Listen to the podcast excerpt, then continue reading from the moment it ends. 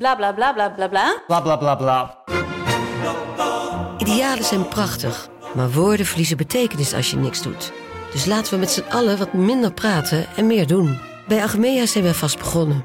Zo gaan wij voor minder verkeersslachtoffers, gezonde werknemers en duurzame woningen. Waar ga jij voor? Kijk op www.werkenbijagmea.nl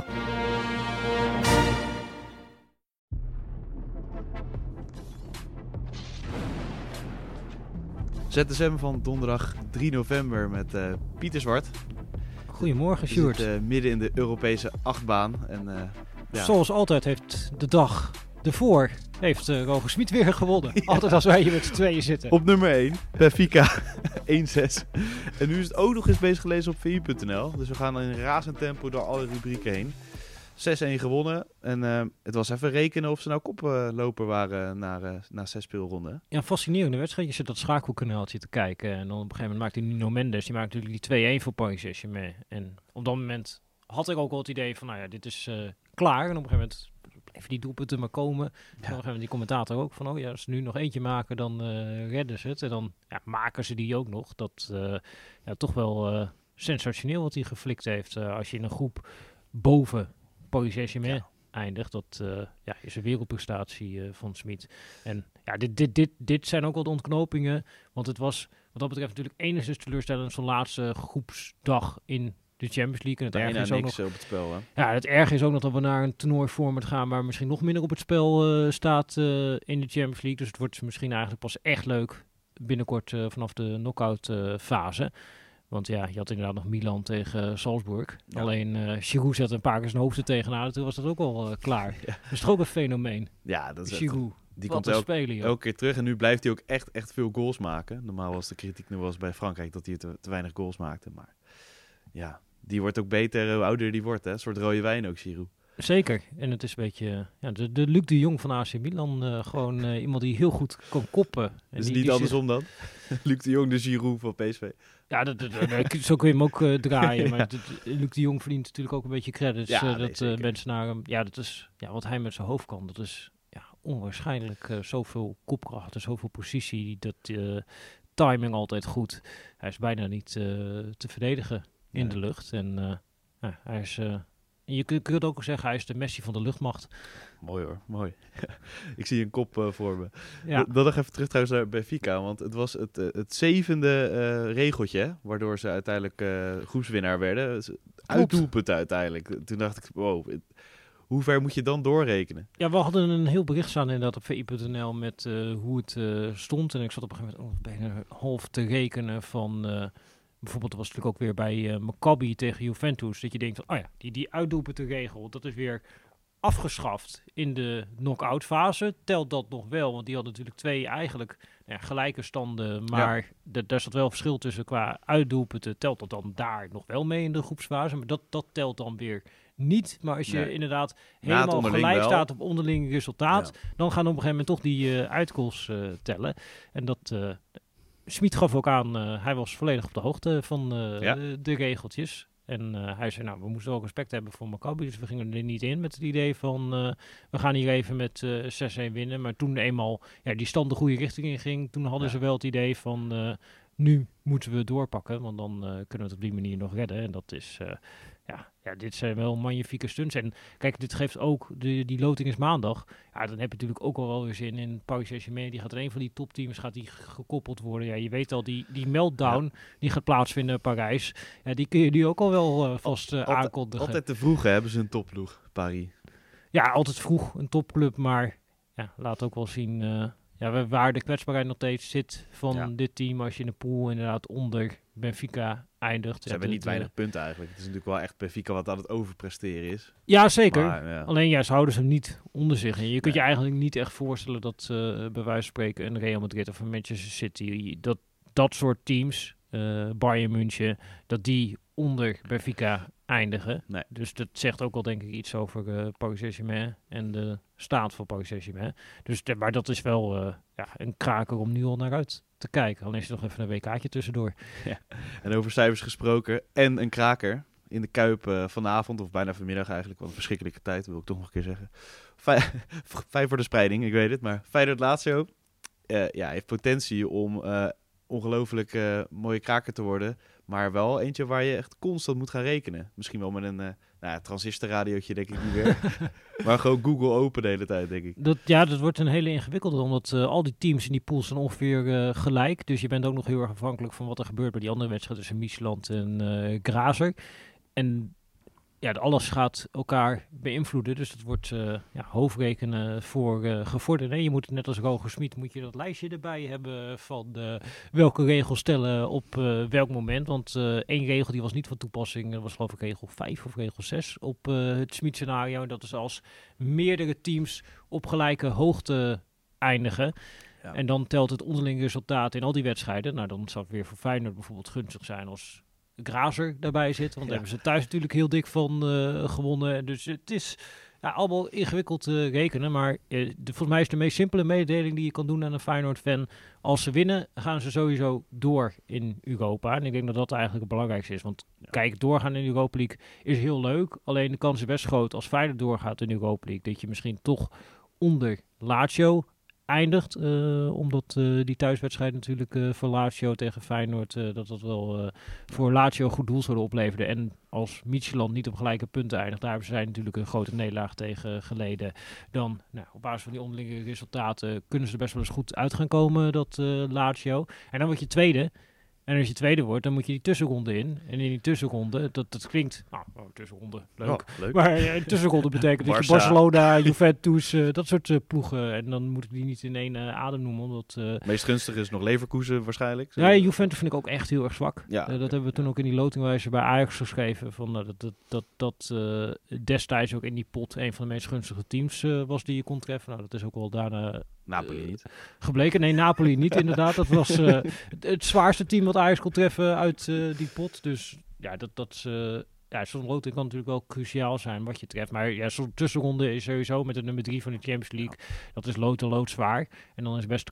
Ja, de kans is serieus aanwezig dat dan daarna je Europese avontuur voorbij is. We hebben natuurlijk gezien hoe leuk de Conference League vorig jaar eh, Ja. kon zijn. Ja, Als je daar eh, echt ver in komt. Dus, en ook voor de coëfficiëntenpunten denk ik eigenlijk dat het gunstiger is voor Nederland als Feyenoord doorgaat eh, in die Conference League. Of eerste. Eerste Ja. of derde eigenlijk het liefst. Ik had trouwens vanmorgen nog even contact met Martijn. Oh, Ja, ja, ja. En ik, ik werd daar toch wel hoopvol van. Want die was natuurlijk bij die persconferentie van eh, Arne Slot. En eh, nou, er zijn ook al die Italiaanse journalisten zijn afgereisd. Maar die ja, over de in derby, Italië zijn ze niet bezig met eh Feyenoord. Nee, Die kijken volledig over die wedstrijd heen. Hier in Nederland hebben we natuurlijk over Ajax PSV. En daar Ja. in Rome hebben ze het alleen maar over ze spelen zondag om 6 uur tegen AS Roma. En bij Lazio staat alles in het teken van die wedstrijd. En Feyenoord is een vervelend tussendoortje voor hen.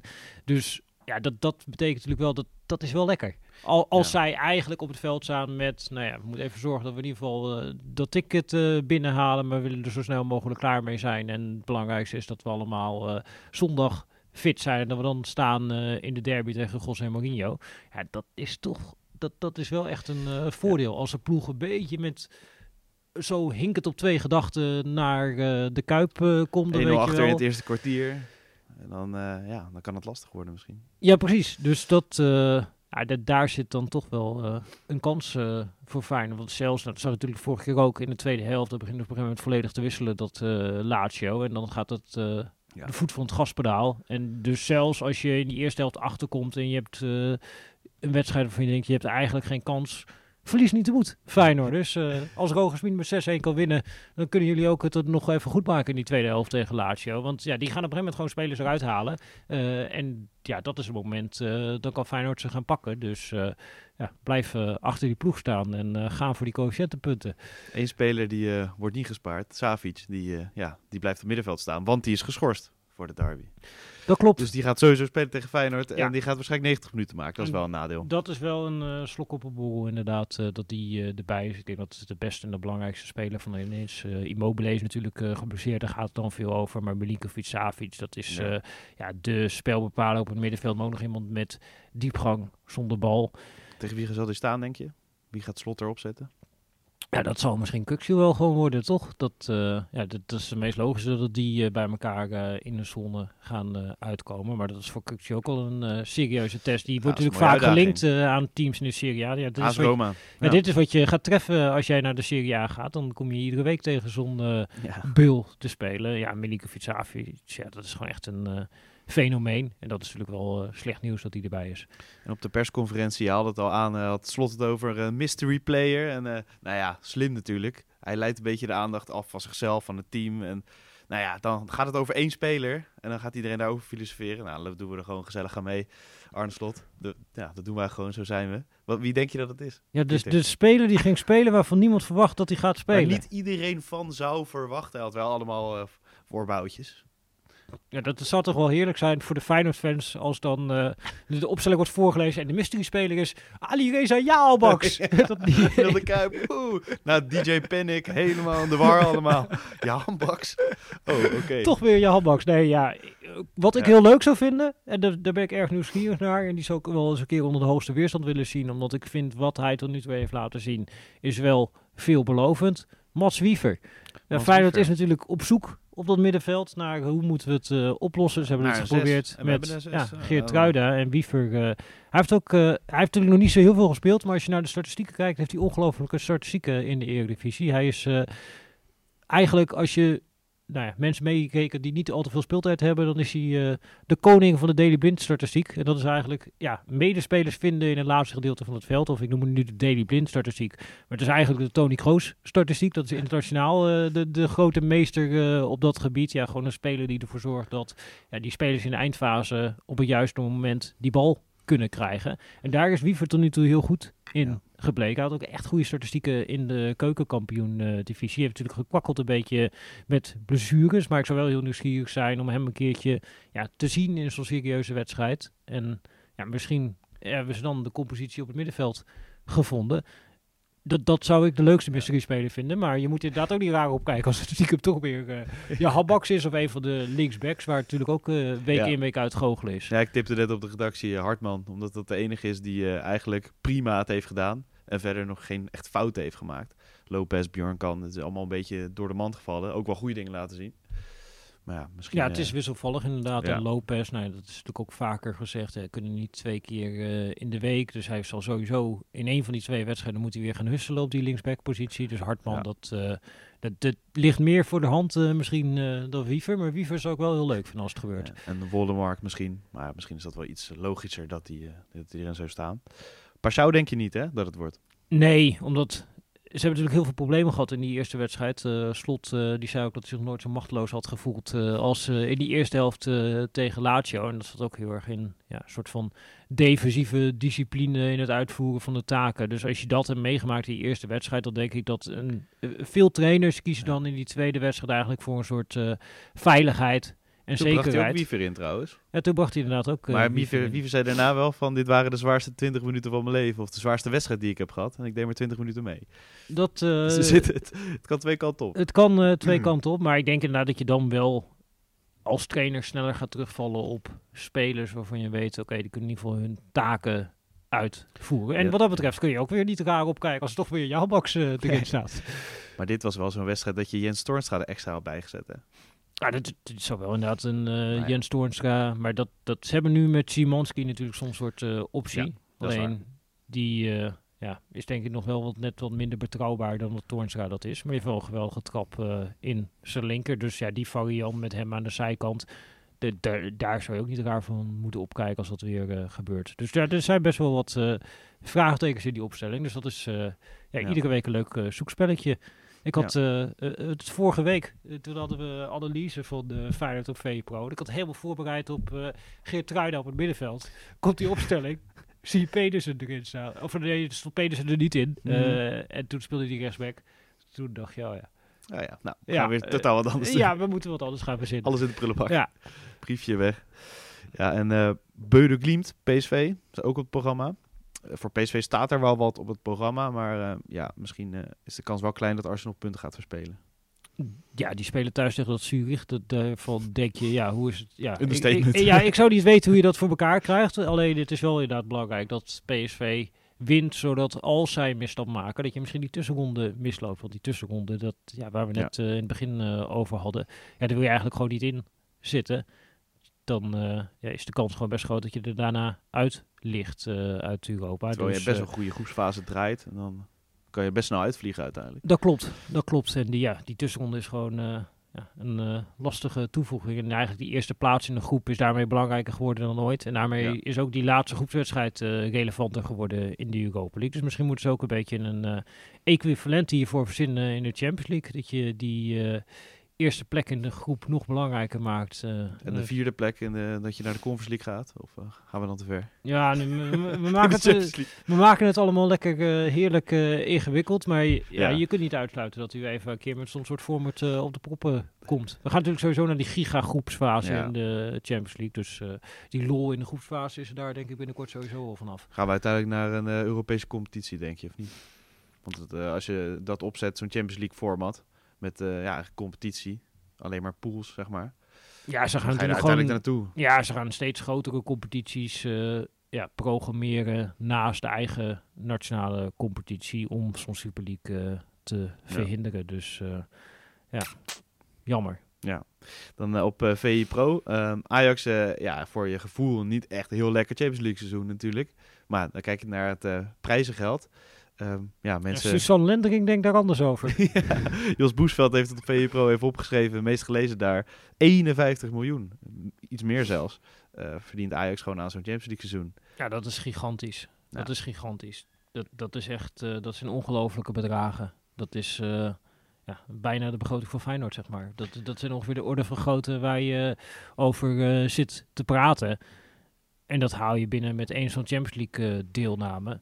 En dat is natuurlijk ook de reden dat Ajax ja, financieel zoveel kan uitgeven als ze uit Mhm. kunnen geven. En wat dat betreft ja, is het wel lekker als we in die coëfficiëntenstrijd het even nu gaan volhouden. En dat je binnenkort een keer misschien twee Nederlandse teams hebt in de groepsfase. Ja, want we hebben wij er nog nul, hè? Want eh, om ons heen, zeg maar, op dat lijstje heeft iedereen er minimaal één of twee zelfs, of, of meer eh, bovenin natuurlijk. Dat is wel misschien een beetje zorgwekkend. Geen bonuspunt in ieder geval. Nee, niet eh, bonuspunten, maar dan wordt het gewoon een kwestie van verkomen in de Europa League, verkomen in de Conference League. En daar kun je natuurlijk ook heel veel punten spokkelen. Dus nou, laten we hopen dat de Nederlandse teams daarin gaan slagen. En dan is ja, vanavond eh, de eerste set. Twee overwinningen voor eh, de Nederlandse clubs, denk je? Tellen we AZ dan ook mee? Ja. Even kijken. Feyenoord tegen Lazio. Nou, gegeven de context, denk ik, kan een rare avond worden.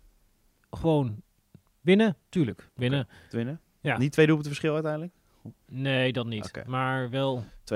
ja, precies net in die slotfase winnen de goal. Kuip eh, ontploft. Ja. Gewoon iedereen uh, Tussenronde direct eruit. Heerlijk. Heerlijk. Nee, maar dat kan zelfs dan nog eh ja, Nee, een tussenrondetje. Nou ja, dat is op zich. eh we krijgen wel weer affiches.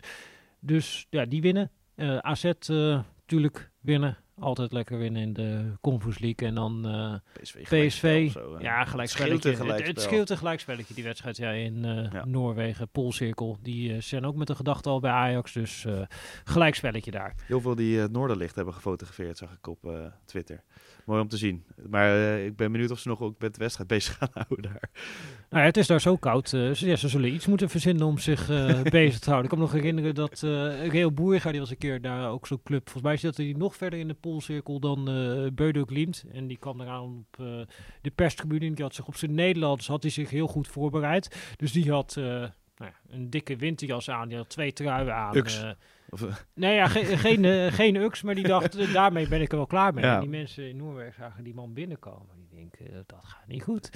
Dus die, die werd meteen werd hij daar eh beet getrokken. En die kregen twee extra winterjassen Oh, twee extra bij nog? En Oh, eh, oh, eh, mutsen, weet ik het allemaal niet. Wauw. Want ja, anders eh vries je hier eh, of weer eh, dood. Dus wat dat betreft eh, kunnen we met een gerust hart zitten dat Marco Timmer daar eh, vanavond eh, niet zit. Die Nee. eh, gaat in ieder geval eh, overleven. Maar kle- kleed je warm aan in de Poolcirkel. Dat is eh, even de tip die we moeten meegeven aan PSV. een extra jas, een koptelefoon om ZSM te luisteren. En dan eh, zijn we er morgen weer. Ja, en doe de groeten aan de kerstman. Tot ZSM. Tot ZSM.